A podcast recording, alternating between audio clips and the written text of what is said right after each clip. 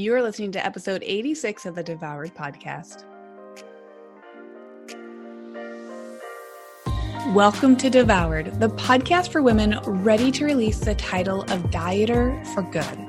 I'm your host, Lucia Hawley, and I'm a certified nutritional therapy practitioner with my master's in social work, clinical mental health.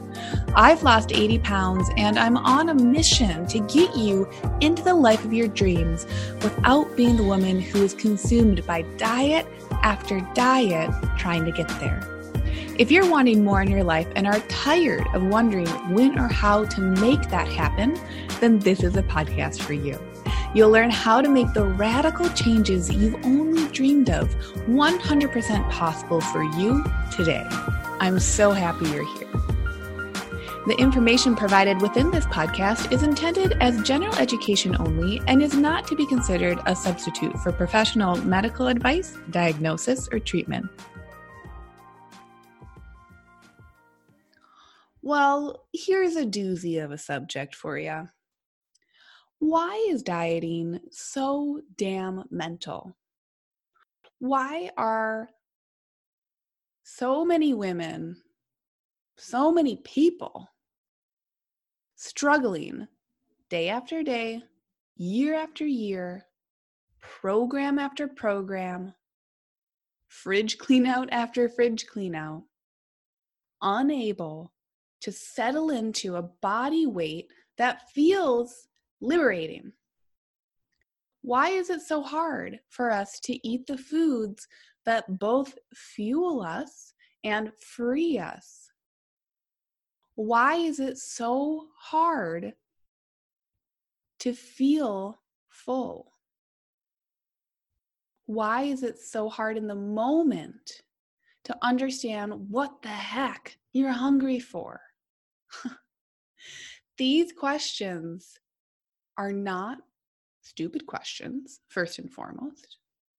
And we have to explore them in order to start to understand how we can jump off of the dieting roller coaster for good.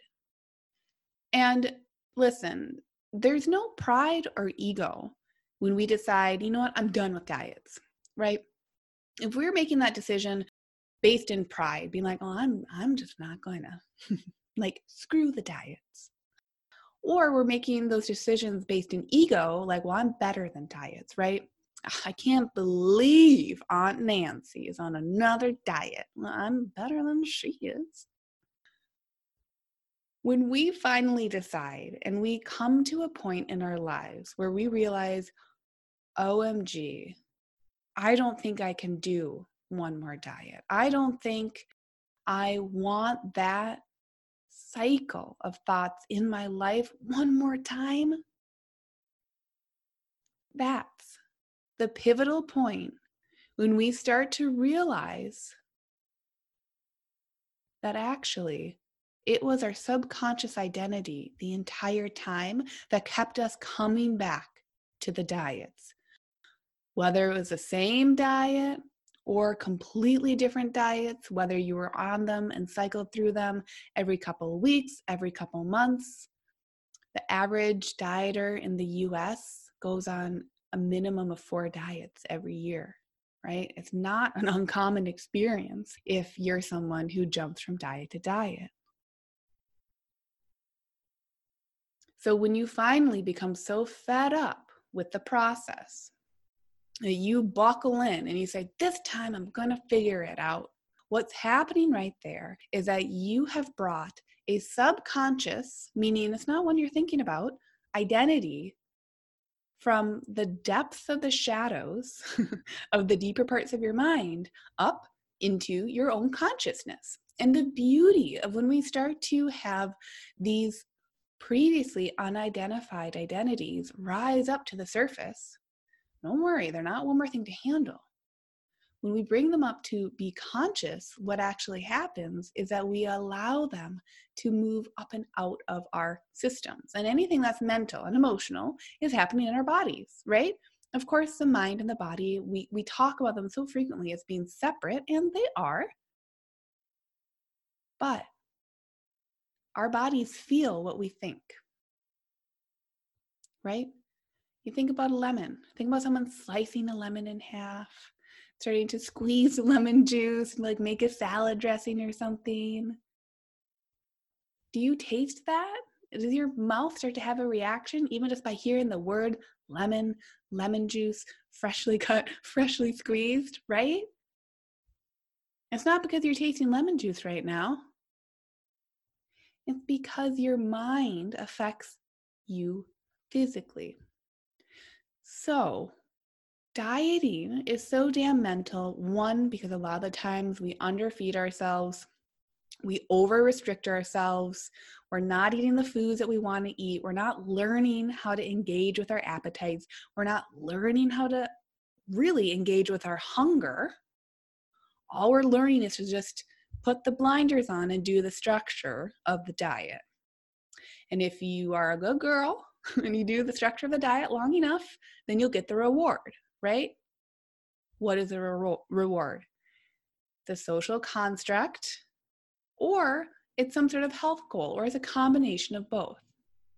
So while there's lots of unpacking to do all around there, those are subjects for different episodes. Today, I just want you to know you're not alone if you're feeling on the struggle bus especially during the season. The average dieter in the US goes on at least four diets a year. And we can actually begin to have an emotional relationship to the dopamine hits of starting a diet. So, dopamine is a feel good chemical in our bodies, in our brains.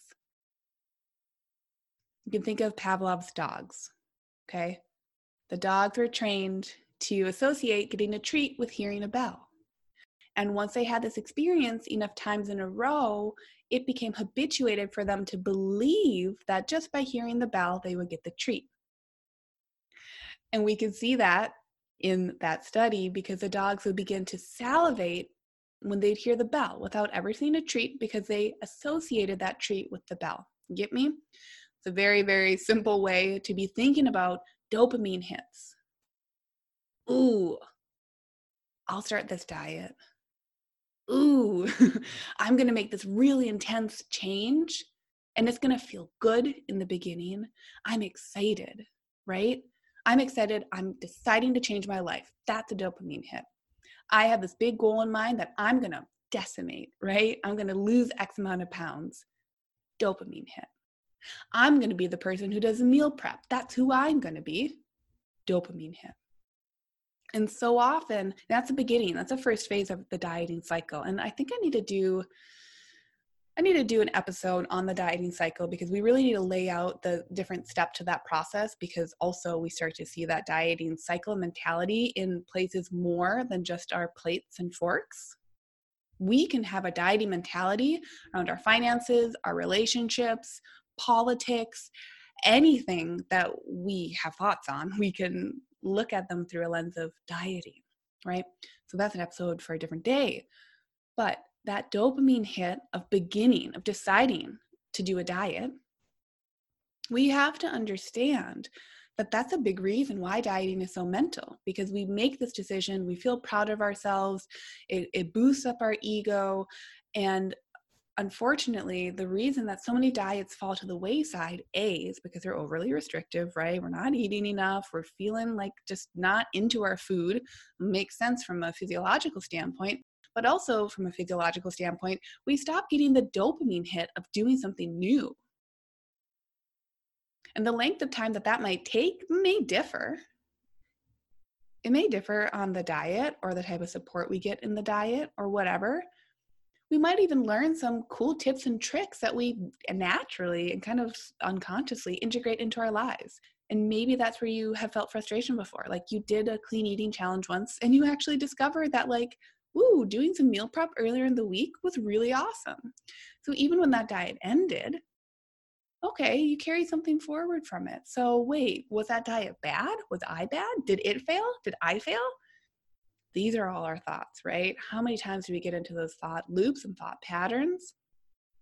Just know that this week, as you're listening to this episode, dieting is a very mental thing because when we opt to begin a diet anew, right? Like new me, new year, new me, fresh start, got to get that bikini bod, like whatever season we're beginning, the whole process of starting this whole cycle again, we are shaking hands with a dopamine hit. And that dopamine hit is exciting and it can feel like a short term liberation, right? You can feel really, really free. And what happens is when we're making a choice to bring something in, like a diet, into our lives, the dopamine hits stop after a certain point, right? The diet gets tough, or you don't like waking up early to go to the gym. You actually really hate going grocery shopping on the weekend at this one time that the diet's telling you to go grocery shopping. Whatever it is, things start to get a little bit difficult after a while. Now, I'm not saying that in order to lose weight, you have to do the things that like are always going to feel really, really peachy keen all the time. No. Whenever we're creating change in our lives, there's going to be discomfort that arises. That's that challenge. If we didn't have that, well, we wouldn't be having these conversations right now. Weight loss would be easy, muscle gain would be easy. Getting straight A's in school would have been easy. Like all these, what like whatever, insert anything that like can be challenging for someone, that would be easy but it's not. So we have to talk about this. When it comes to dieting, if we want to step off of that dieting roller coaster, it's much less about doing that from a place of pride and ego. And it's more so about saying, what would I like to change in my life that is going to help me continue to feel like the most expressive version of myself? That might actually mean that you do bring in structure into your life. Very often, someone is bringing in some sort of structure into how they are coming to their foods, their thoughtfulness around their foods. That's a lot of the work that we do in Lean and Liberated, right? I'm not taking in that program, I'm not taking out any foods for people. I'm not even telling people to add in certain foods, right? We don't play those games there. And we can't because yes there i'm a nutritional therapy practitioner right? Like i love talking about nutrition. We can talk about whole fresh foods all day long. They're beautiful. Our bodies were designed to eat those foods. But if it's so mental to prepare a salad right? And we make a salad one day and then we nosedive into a carton of ice cream the next day or three days later. If we don't unpack that i actually don't care if you eat the salads or not right? Like that's not my job. As your coach you can go anywhere online and find a template to tell you what to eat for fairly optimal human health. Great. Again, if that change were easy, you'd be doing it already. I'm here because I coach women through the process of change. And what's liberating with that change process isn't that they're going to be the most perfect version of a person who perfectly loses weight for the one perfect time in their life where they're finally going to perfectly do it perfectly. We can't play that game. We've played it before, right? We know that game like the back of our hand. Like we get it. Even if we consciously don't know that, physiologically, because of the habits that we've developed, we totally know that game. So we do have to do things differently. And that's why I love being in this position of coaching people because it's creating a container to say, ooh, you you get to try something. And when you try it, if you'd like, you will reflect on how it went for you. We don't have to reflect if it was good or bad, right? We're not you're not getting gold stars for eating salads. But we do get to recognize which actions continue to reinforce your true goals and your true values. And as we make that work happen, what we always find is that we get to explore our relationship to our appetites, our relationships to our hunger, right? Our relationships to eating out with friends or eating by ourselves. What the heck do we do on a Thursday night when we're sitting in front of the TV? Those eating habits are typically very different than a Sunday brunch with the family or some friends. So if we don't unpack all that stuff, we're never going to address the root cause. So go ahead and download the, you know, the perfect eating templates.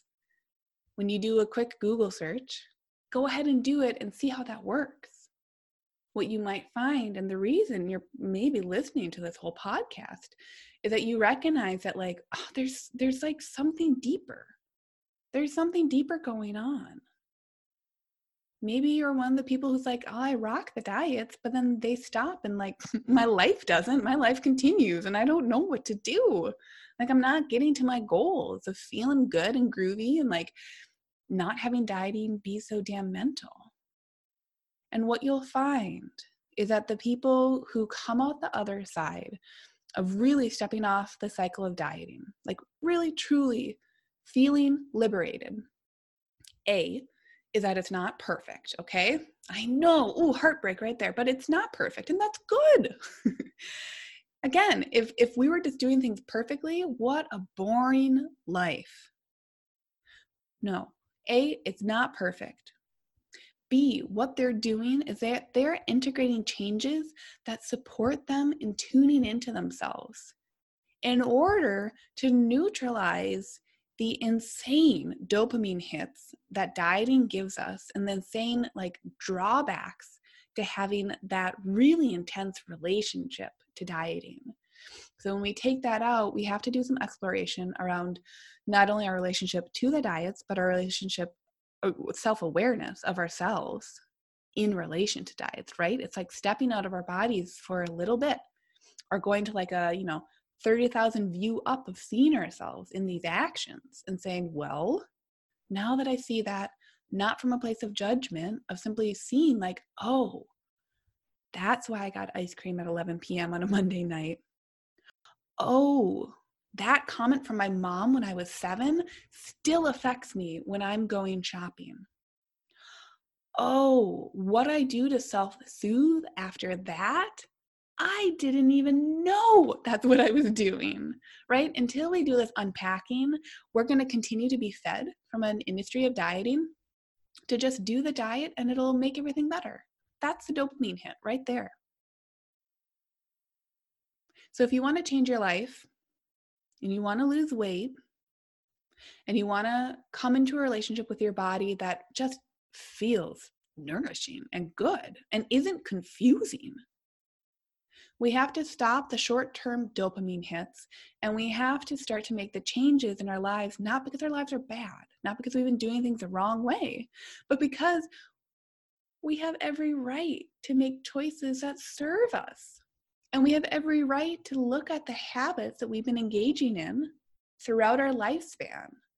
It's like a field. We just get to see the field for what it is. And then we get to take a few steps to the different, you know, down a different path if we desire to. And when we do that, we're going to have much less decision fatigue. And that is really, for me as a coach, that is a really fun part for the women going through Lean and Liberated is when they start to say, how can it be that like accepting the changes I actually need to make instead of the diet ones, like the changes I actually get to make in my diet that aren't just the, you know, Googled plan around like whole foods or cabbage soup diet or whatever. How is it that showing up to those changes got me a promotion at work? Or like helped me be more social again? or like I found a new favorite hobby how is it that doing this one thing in this one area is actually having this crazy ripple effect? Like, WTF, what is that? That's what happens when we start to begin to regain control around our dopamine hits and we make changes for our lives. We don't change our lives around and because of dieting. Okay, so if this week, if you've been feeling really mental about the diets and you're about to start another one, you're getting a little squirrely, if you can honor that in yourself and just see it for what it is, that it's the beginning of a cycle, a dieting cycle, that has begun to be habituated, and that habit is simply an old, deeply ingrained habit. And if you'd like to change that habit, you have the right to. And this one is key. If you have that habit, you also can keep it because i think in a lot of circles around self-help and you know life change we become so focused on the change that we don't actually recognize that it was at one point adaptive right? Your self-soothing at 11 p.m on a monday night with a carton of ice cream was you whatever moment that that started that was you taking care of yourself And at some point, it just became really maladaptive. It doesn't mean it was bad or you were bad. It simply means that your discomfort of continuing that habit, even when it's subconscious and it's just there and to go to, you don't even recognize it until you're halfway through the carton. All it means is that you can still recognize it halfway through the carton and start to make the change generously and lovingly with yourself. It's like taking yourself by the hand and saying, Hey, I see you. Thank you so much for this action. And here's something else I'm going to choose. Here it is. it sounds really simple and it can be really simple. And all it is is trying to bring that awareness. So this this week I want you to be thinking on uh, really these dopamine hits. You know, what are these squirrely decisions that we make? We're like, oh, this is going to change. This is going to be the thing. and maybe it is a thing, but then it falls to the wayside at some point write down you know i'm always saying open up your notes app or grab a piece of paper but do it really really do it. There's really there's huge power in pen to paper.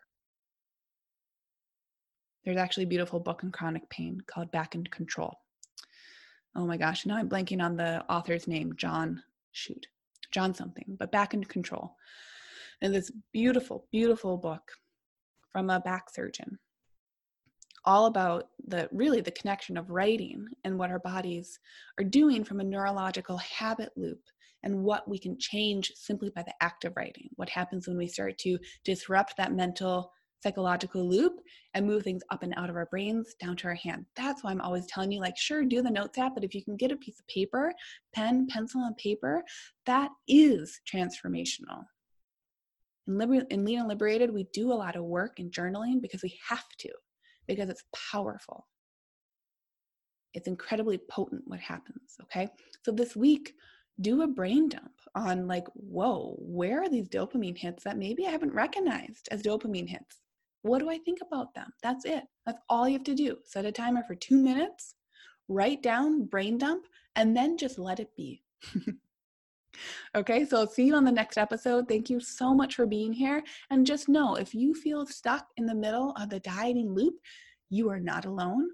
And there's so much that we can learn from that experience, and we can start to shift and pivot as desired into the version of our lives that we truly desire, that we truly want to show up to, that we recognize, like, yeah, I can have that and I can make that for myself. And it doesn't have to come in the future because, spoiler, the future never comes. I can take the actions of the present moment in today to be that version of myself that I say I want in the future. That's what all this is. That's why the dieting gets to just melt away when we do this work. So, thanks so much for being here, and I'll see you on the next episode.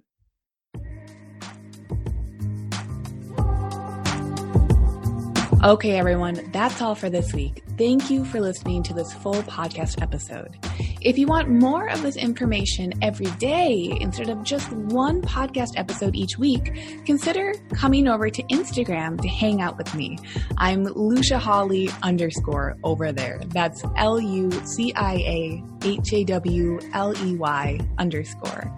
And one more thing before this episode ends please consider leaving a review of Devoured on iTunes so we can keep spreading the word.